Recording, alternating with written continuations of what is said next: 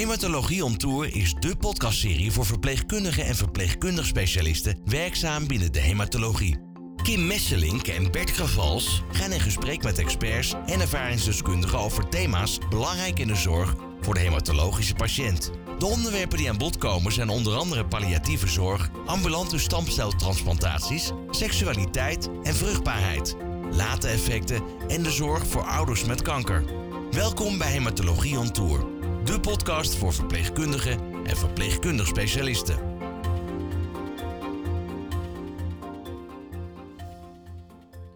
In deze podcast hoor je wat het belang is van een centrum voor psychosociale zorg voor patiënten met en na kanker. Hoi Bert. Hoi Kim. Bert, we zijn vandaag in Almere bij Shanna en Mick. Zou je hun willen voorstellen? Mick Hoekstra heeft recent kanker gehad en vertelt in deze podcast wat het IPSO-centrum bij hem in de buurt voor hem betekent. En Shanna Hillebrand is voorzitter van het Parkhuis in Almere, een van de 81 centra voor psychosociale zorg voor patiënten met en na kanker. Shanna, kun je iets vertellen over wat een centrum voor leven met en na kanker is?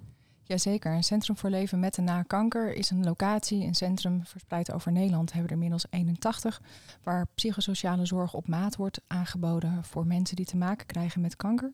En het gaat dan om mensen die er direct mee te maken krijgen, dus die de diagnose kanker krijgen, maar ook de naasten en nabestaanden als mensen het helaas niet overleven. En is het hetzelfde als inloophuizen? Ja, ja, voorheen werd de term inloophuis gebruikt, alleen die naam vertelt niet automatisch wat we zijn en wat we doen en voor wie we het doen.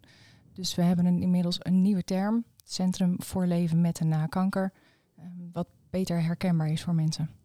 En jullie hebben ook nog een overkoepelende organisatie, hè?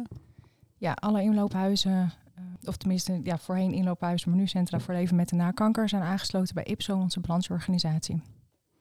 En kun je iets vertellen over wat de doelstellingen precies zijn van de IPSO zelf? Ja, de doelstelling van uh, de IPSO en uiteraard ook onze, onze centra, want die zijn het uitvoerend orgaan, um, is eigenlijk grotendeels gericht op het bevorderen van de levenskwaliteit van mensen. Zowel voor de mensen dus die dezelfde diagnose krijgen als de familie en nabestaanden. Het is misschien leuk om meteen uh, Mick ook uh, te introduceren. Hi Mick. Hoi, hallo. Jij bent uh, zelf bij een inloophuis terechtgekomen omdat je zelf ook kanker gehad hebt. Kan je um, iets over je geschiedenis vertellen? Uh, ja, zeker. Eind 2017 uh, is bij mij uh, kanker ontdekt. En dan kom je in de malle molen van het ziekenhuisleven. Alles komt en gaat tegelijk. En eigenlijk pas veel later besef je dat je nog verder de hulp nodig hebt, of eigenlijk zoekt, naar je, je behandeling in het ziekenhuis. En word je soms grof gezegd, maar word je losgelaten. En dan is het uh, uitzoeken voor jezelf wat je moet doen, wat je wil aanpakken, wat je nodig hebt, wat je behoefte is. En uh, ik ben uiteindelijk via een krantenartikel die mijn moeder had gelezen ergens, ben ik bij een uh, IPSO-centrum terechtgekomen. En dat was destijds. Ik, ik, zocht echt, ik, ik had behoefte aan beweging, ondersteuning voor het bewegen. En nou ja, zodoende zat erin toevallig ook in dat artikel iets over een hardlooptraining destijds. En uh, daar ben ik dus door een gerichte manier uh, naar dat inloophuis toe gegaan. Uh, het is wel grappig dat je dat zegt. Is via een krantenartikel wat je moeder had gevonden, ja. heb je uiteindelijk een episode gevonden. Was het bestaan van het inloophuis bij jou in de buurt jou door de verpleegkundige in het ziekenhuis of de arts in het ziekenhuis jou niet verteld? Nee, eigenlijk helemaal niet. Ook omdat ik in Amsterdam in het VUMC uh, behandeld word en uh, onder behandeling ben. En zodoende is daar nooit iets meer over verteld. In het ziekenhuis word je heel goed begeleid door de, de juiste verpleegkundigen en de, de, ja, echt de mensen met kennis. Maar daarna is het zoeken voor jezelf en uitvinden en uitvogelen. En nou ja, dankzij het krantenartikel had ik eigenlijk een doel en ook kennis van dat er een zo'n IPSO-centrum was. En zodoende kon ik dus eindelijk gericht ergens echt naar op zoek, ben ik binnengestapt. En het, het eerste wat daarin opvalt is de, de warme onthaal. Net alsof je daar al jaren komt. Het is heel warm. Alles wordt vriendelijk. rustig in jouw tempo wordt besproken. Je vertelt wat je wel of niet wilt vertellen. Niks moet, alles mag. Ja, dat vond ik heel fijn. Dan. En, eh, ehm, we hebben eh, de trip hier naartoe samen gemaakt eh, Ja. in de auto. Je vertelde mij ook dat wat jou, ja, is misschien niet meteen je behoefte, maar wat je wel enorm opviel, wat je eigenlijk ook wel achteraf bekeken en op zoek was, een stukje begrip die eigenlijk bijna alleen maar van lotgenoten kan afkomen. Want je vriendenkring of mensen die niet hetzelfde hebben meegemaakt als jij, die begrijpen toch iets minder wat je maar hebt meegemaakt. Ja, klopt. Familie, vrienden kan ik het echt wel goed over hebben. En die proberen zich wel in te leven. Maar hoe ik het zelf altijd uitleg, iemand die hetzelfde heeft meegemaakt of soortgelijk iets heeft meegemaakt, maakt namelijk ook niet uit wel, welke vorm kanker je hebt. Maar het gaat er echt om iemand die in een soortgelijke situatie heeft gezeten, die begrijpt je met één woord. En aan familie, vrienden heb ik drie zinnen nodig om enigszins in de buurt te komen van mijn gevoel of hoe ik me op dat moment kan voelen. Shanna, is, is een van de doelstellingen, is denk ik ook lotgenootcontact eh, van de Centra voor leven met kanker en na kanker. En zijn er nog andere doelstellingen, behalve het eh, opzetten van lotgenootcontact? Nou, lotgenotencontact aan zich is niet zozeer een doelstelling als wel een middel wat we inzetten. Omdat we weten dat onze doelgroep daar heel erg behoefte aan heeft. Juist vanwege die herkenning en erkenning waar, eh, waar Mick het net al over had. Maar daarnaast zijn we dus ook heel erg ehm, actief op het gebied van eh, fysieke gezondheid. We bieden aandacht aan prevalidatie bijvoorbeeld. Want hoe sterker je een behandeling ingaat, des te sterker kom je er bijvoorbeeld ook weer uit. Maar ook voor je herstel tijdens en na behandelingen is het heel belangrijk om fysiek bezig te blijven.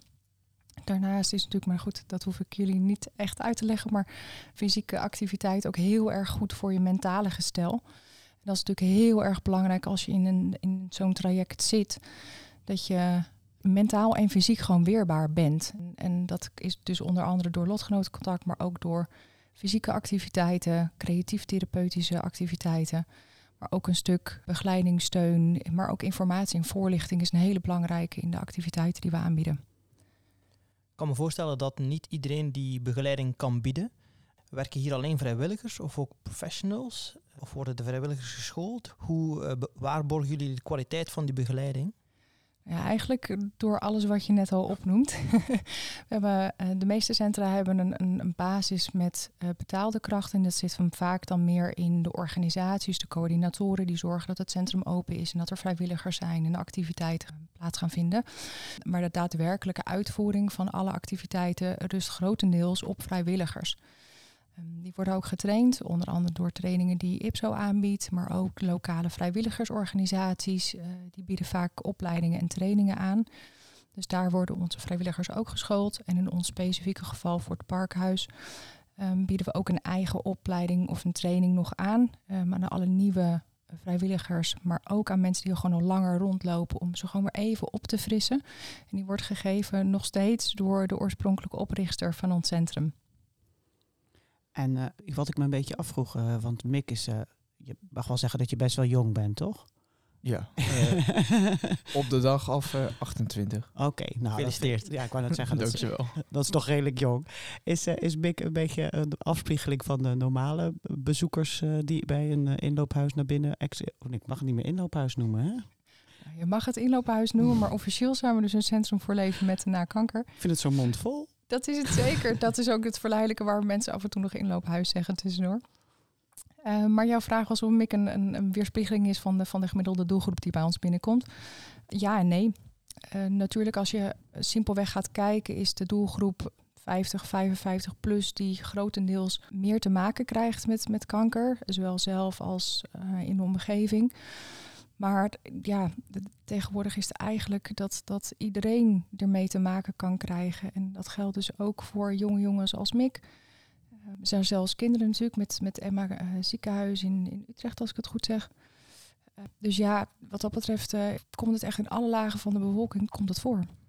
Bieden jullie de begeleiding wel eh, op leeftijd aan? Zeg maar. Ik kan me voorstellen dat jongvolwassenen, AJAS, graag met leeftijdsgenoten als lotgenoot communiceren en activiteiten samen doen.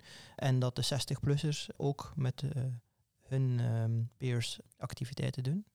Ja, dat klopt eigenlijk voor iedereen. elke doelgroep ervaart in grote lijnen hetzelfde, maar heeft ook echt wel doelgroepgerichte onderwerpen en problemen waar ze in meer of mindere mate tegenaan lopen. Dus je ziet inderdaad vaak wel terug dat de activiteiten echt doelgroepspecifiek worden georganiseerd. Om inderdaad jongeren bij elkaar te brengen. De AJA's waar je het over had. Eventueel nog jongere kinderen, ouders met kinderen. Eh, maar ook inderdaad uh, volwassenen. Er zijn zo ook bijvoorbeeld speciale mannengroepen. Omdat mannen het vaak toch ook fijn vinden om onderling dingen te bespreken. En niet zozeer in bijzijn van vrouwen. En hoe bereik je mensen om, om überhaupt kennis te nemen van dat het, het centrum bestaat? Want ja, nu is het dan bij MIC toevallig uh, via een krantartikel, maar wat doen jullie nog meer om mensen te bereiken? Ja, het is een heel moeilijk, moeilijk proces. Kijk, in eerste instantie is het meest waardevol natuurlijk als de doorverwijzing uh, vanuit een specialist of een verpleegkundige komt. Het moment waarop er vaak, of als er aan gedacht wordt, dat er aan gedacht wordt, is vaak op het moment dat iemand de diagnose krijgt dat zal Mick ook wel kunnen beamen. Dat op het moment dat je dat net te horen hebt gekregen, alles wat er daarna volgt, gaat als een roes aan je voorbij. Is je misschien wel verteld, maar blijft gewoon niet hangen. Dus het, het zit hem vooral ook in dat het in het traject wat daarna komt, als het eenmaal loopt en de rust een klein beetje is teruggekeerd, dat het dan weer onder de aandacht komt. Ja, dan ligt het toch vaak bij de behandelend artsen of de verpleegkundigen die erbij betrokken zijn. Maar het is ook heel belangrijk dat we als uh, centra zijnde gewoon continu in beeld blijven. En dat is onder andere dus inderdaad via de media, zoals dat Mick uh, de centra heeft gevonden. Maar ook door contact te leggen met lokale organisaties. Te organiseren van activiteiten uiteraard. En, en social media wordt ook, uh, ook veel gebruikt door onze doelgroep om informatie in te winnen en in contact te komen met, met lotgenoten bijvoorbeeld. Ja, en hoe is die samenwerking met de ziekenhuizen? Is, verloopt dat uh, soepel? Ja, dat ligt nogal aan de locatie. Want er zijn locaties waar de inloopcentra, sorry, de centra voor leven met en na kanker, gevestigd zijn in het ziekenhuis. Dus dan is het natuurlijk letterlijk nou ja, bijspreken een, een deur doorlopen en je bent er. Vicky Brown heeft dat geloof ik, hè? Ja, dat klopt. Ja. En zo zijn er nog een aantal uh, die die luxe hebben. Dus dan is het heel erg makkelijk. Andere locaties is het, is het wat moeizamer. Uh, er zijn bijvoorbeeld ook uh, plaatsen waar een centrum, een IPSO-centrum is, maar waar geen ziekenhuis is bijvoorbeeld. Dus dan moet je toch echt wel harder je best doen als centrum zijnde om um, in contact te blijven met het ziekenhuis en daar de connectie in, in te vinden. Er zijn al diverse uh, onderzoeken ook gevoerd, onder andere door de IPSO. Uh, en daar blijkt gewoon nog steeds uit dat de meeste specialisten uh, of niet weten dat we bestaan, of gewoon vergeten of simpelweg de tijd niet hebben om die doorverwijzing te doen. En ik vroeg me even af, Mick, wat was voor jou de meerwaarde van het bezoek aan, aan het centrum? Allereerst wil ik eigenlijk nog even terugkomen Mag op altijd. het voorgaande onderwerp. Het is namelijk heel lastig, inderdaad, wat gezegd werd. Uh, aan het begin krijg je zoveel informatie over je heen gestort. En gewoon een bak vol die over je heen gegooid wordt. En misschien dat je in, uh, een klein percentage maar onthoudt. Ge uh, daarom is het ook voor mij wel handig geweest dat er iemand anders naast mezelf tijdens de gesprekken aanwezig was. Zelf had ik nooit op al dit soort informatie meer gekomen. En dat is het uh, belangrijkste uh, aspect toch wel. En ik denk dat, dat dat het voordeel ook zal zijn als je standaard flyers hebt liggen en dat de artsen dat meegeven. Dan kan je dat later altijd nog een keer thuis bekijken. En zo uiteindelijk toch gericht al wel je, je doelstelling halen en op zoek gaan naar wat je nodig hebt. En wat was voor jou die meerwaarde? Nou, zoals ik zei, ik, ik ging vooral uh, op dat moment zocht ik ondersteuning bij beweging. En uh, in dat krantenartikel stond toen toevallig ook dat echt op maat werk is. En als ik normaal naar een fysio had gaan, wordt geen rekening gehouden met jouw situatie, jouw lichamelijke functies, uh, noem maar op. En met kennis van uh, wat jij eigenlijk aan de hand hebt, of iemand die rekening houdt met hoe en wat, en je kan zelf aangeven in een, ook een veilige omgeving, dat is ook wel erg belangrijk. Maar dat je zelf aangeeft hoe, wat en, en wat je aan kan gewoon. Ja, en wat je misschien ook nodig hebt. Ja, en uh, het bieden van een luisterend oor is heel belangrijk in uh, de IPSO-centra. Dat is soms, denk ik, eigenlijk nog wel erg onderschat, hoe belangrijk dat is. is dat ook wat je gemist hebt in het ziekenhuis? In zekere zin wel. Ik kon het zelf heel goed vinden op de afdeling met wie dan ook die daar werkte. En eh, de verpleging was voor mij echt heel fantastisch. We, zijn ook het gemiddelde dezelfde leeftijd. Dus dat, dat scheelde een hele hoop. Je had toch de, dezelfde...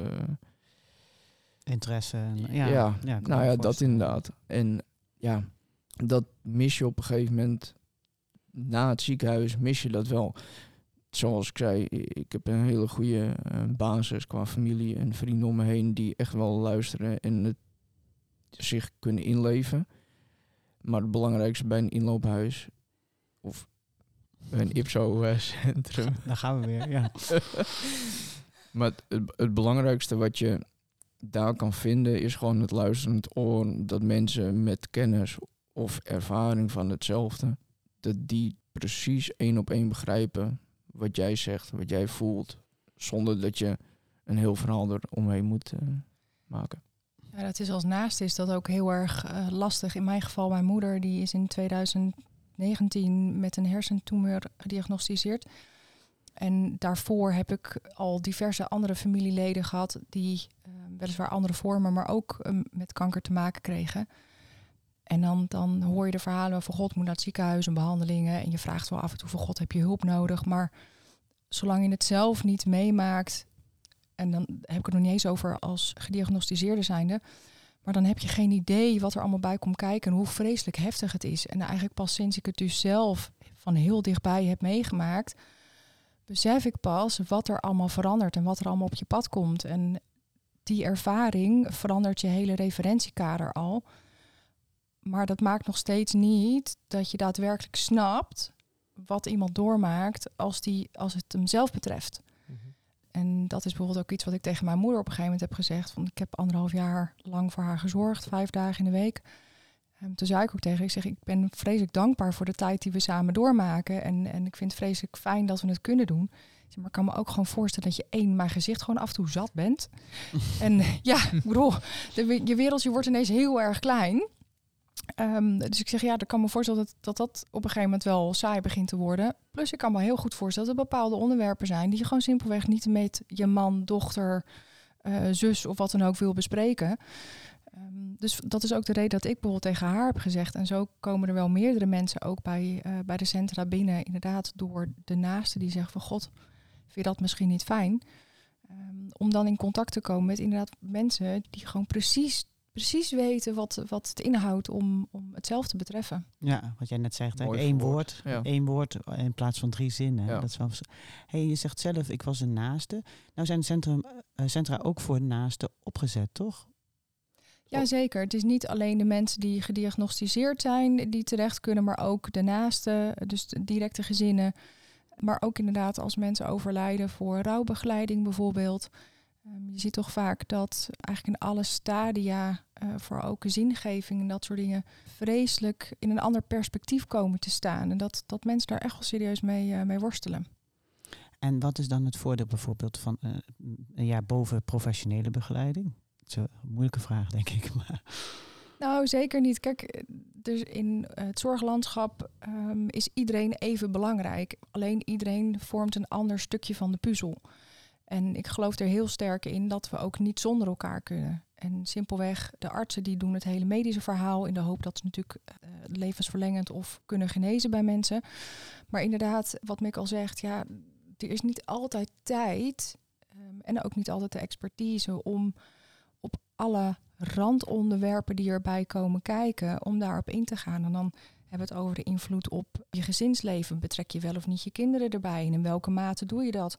De invloed op hoe je je eigen je, zelfvertrouwen van je lichaam. Ik bedoel, zeker met, met vrouwen bijvoorbeeld, als ze eh, haaruitval krijgen. Er komt heel veel onzekerheid bij kijken. Je vertrouwt je eigen lichaam niet meer. Hoe ga je daarmee om? Simpelweg ehm, je libido verandert.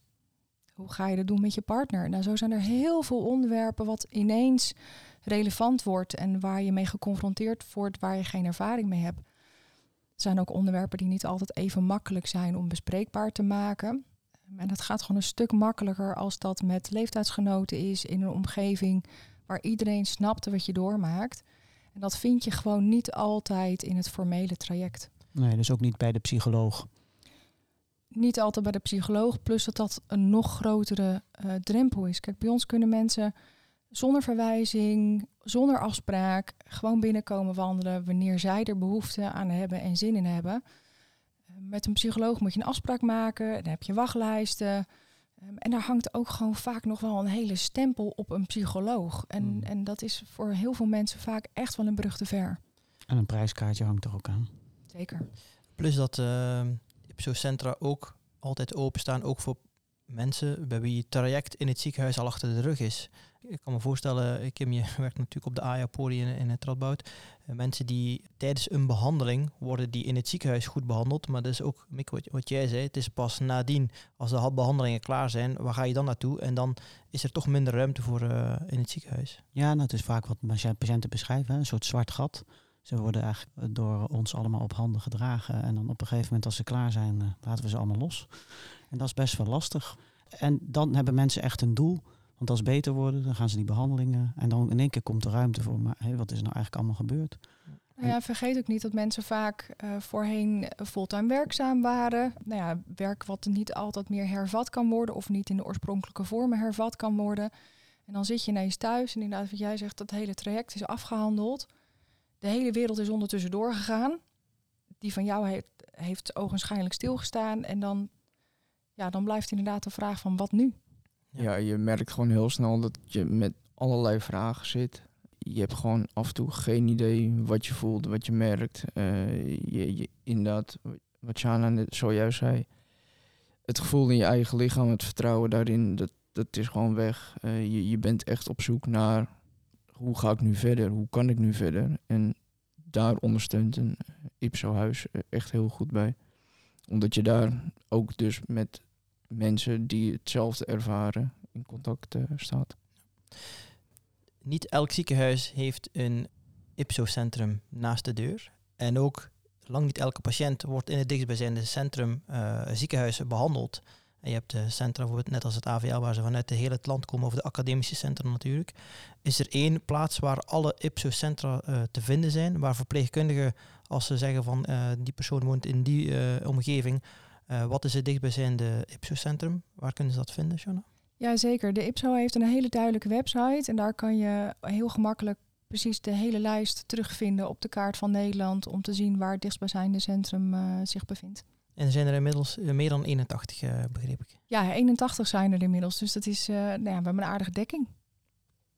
Ja, en wat zou je tegen verpleegkundigen willen zeggen? Waarom zouden verpleegkundigen door moeten verwijzen naar een, naar een IPSO-huis?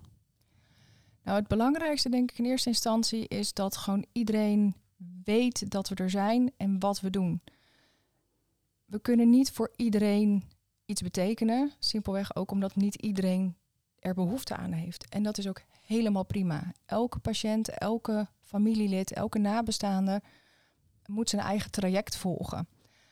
Maar op het moment dat je weet dat er hulp is, welke hulp, er is en waar je het kan vinden, kan iedereen wel voor zichzelf bepalen wanneer ze ergens behoefte aan hebben, waar ze ergens behoefte aan hebben. En de verpleegkundigen en specialisten zijn daar wel een hele belangrijke schakel in. Zeker omdat je mensen vaker ziet. In sommige gevallen zelfs wekelijks of meerdere, meerdere keren per week. Dan kun je ook goed in de gaten houden hoe het met iemand gaat. En als je het gevoel hebt dat er meer speelt of potentieel meer speelt, dan is het fijn om als verpleegkundige te weten dat er een centrum in de buurt zit. Om mensen dan daarmee in contact te brengen. Nou heb ik natuurlijk voordat ik dit ging opnemen wel even een klein rondje gedaan uh, rond mijn collega's. En dan hebben ze toch een beetje de vrees van ja, dan ga ik iemand verwijzen naar een plek. En uh, ja, daar zitten allemaal leuke vrijwilligers een beetje te vreubelen. Ja, ik zeg, ik chargeer het nu even voor, zo zullen ze dat nooit tegen mij zeggen. Nee, dat zou nooit gebeuren. Um, Um, hoe kan ik hun overtuigen dat het toch echt wel iets voor meerwaarde... Misschien weet Mick dat wel, kan hij wel zeggen wat het voor hem heeft betekend. En uh, dat, dat doet altijd meer, uh, moet, is mijn ervaring, als patiënten zeggen dat het heel belangrijk is. Ik herken het verhaal van uh, het, vreubelen. het vreubelen. en nee, er, er is een bepaald stigma helaas. En daar ben ik het eigenlijk valikant mee oneens. Nee, het, be het, belangrijke van de, centra's is echt gewoon de, zorg die ze bieden, het luisterend oor en inderdaad wat Tjana zojuist ook zei, niet iedereen die heeft behoefte. En dat, dat is ook goed. En dat iedereen moet het op de manier doen zoals hij of zij zelf wilt. En dat is het belangrijkste. Maar wat ik tegen de verpleegkundige graag wil zeggen, is toch luister naar iemands behoeften en vergeet de centra's niet. Want daar kan iemand echt de, de, ja, de handvaten krijgen die ze soms zoeken. En is dat dan met name ook, ook die warme omgeving waar je het in het begin over had, wat dan voor jou de, de meerwaarde zou zijn? Ja, zeker. Je komt daar gewoon binnen. Je hoeft nergens over te hebben. Als je niet wilt hebben over je ziekte, is dat ook helemaal oké. Eh, als je gewoon binnenkomt voor alleen even een bakje koffie of even je hart luchten, juist wel. Uh, dat maakt niet uit. Het is voor iedereen wat te vinden. En als je wat kwijt wil, dan is daar altijd iemand aanwezig voor. En wat zou je nog graag willen toevoegen aan het assortiment uh, wat, er aangeboden, wat, uh, wat, er, wat er aangeboden? Wat uh, mist er nog volgens jou? Nou ja, zelf ben ik afgelopen jaar begonnen bij het IPSO-centrum Annershuis. met de jongere lotgenoot ontmoetingsgroep. En daar was ik vanaf het begin eigenlijk al echt hard naar op zoek. Ja. En heel lang kon ik daar ook niet zoveel mee. Ik uh, heb vele trajecten helaas uh, moeten doorlopen. En uh, begin 2022 voelde ik me dusdanig goed dat ik weer binnenstapte en zei van wanneer gaan we een keer beginnen met de plannen. En gelukkig pakte iedereen dat ook vol enthousiasme op. En nu hebben wij een ontmoetingsgroep van zes personen. Wat leuk, ja. En de, de erkenning en herkenning bij elkaar, dat, dat merk ik ook in groepsverband. Dat is echt het belangrijkste. Ik heb zelf de, de IPSO-cursus gedaan. Dus ik ben ook de, de groepsbegeleider van de ontmoetingsgroep bij ons. En ondanks dat ik soort van de begeleider ben, ben ik ook nog steeds natuurlijk ook patiënt. Dus het, het, werkt twee kanten op. En het fijne is dat je het inderdaad over onderwerpen kan hebben die je met vrienden ook wel kan bespreken, maar die, die, die begrijpen niet altijd in hoeverre dat bij jou speelt of uh, hoe erg dat in je achterhoofd uh, meespeelt. Oké. Ja, wat ik nog even wil toevoegen, want je vraagt hoe kunnen we verpleegkundigen overtuigen dat zo'n centrum ook echt nut heeft. en geen vreubelclub is, ja. Nee, precies. Nee, het is wat Mick zegt, er wordt ook echt wel gevreubeld, maar dat is dan vaak creatief therapeutisch. Maar het zit hem vooral ook in het feit dat je onder één dak over allerlei onderwerpen um, ook voorlichting kan krijgen. Zo worden er voorlichtingen gegeven door seksuologen, psychologen, uh, diëtisten, fysiotherapeuten, bedenk het allemaal maar. Dus je kan onder één dak heel veel informatie vinden die je anders heel verspreid door het zorglandschap moet gaan vergaren. Maar ik zou vooral ook zeggen tegen die verpleegkundigen, voor jullie geldt ook, de deur staat open. Kom alsjeblieft gewoon een bak koffie doen. Kom kijken wat we doen. Kom ervaren. En spreek desnoods met mensen die, die bij ons dagelijks binnenwandelen. Um, als je nog niet overtuigd was, dan ben je het dan ook echt wel. Mooie uitnodiging. Lijkt me helder. Shanna, Mick, dankjewel. Graag Dank jullie wel. Tot zover Hematologie on Tour, de podcast voor verpleegkundigen en verpleegkundig specialisten.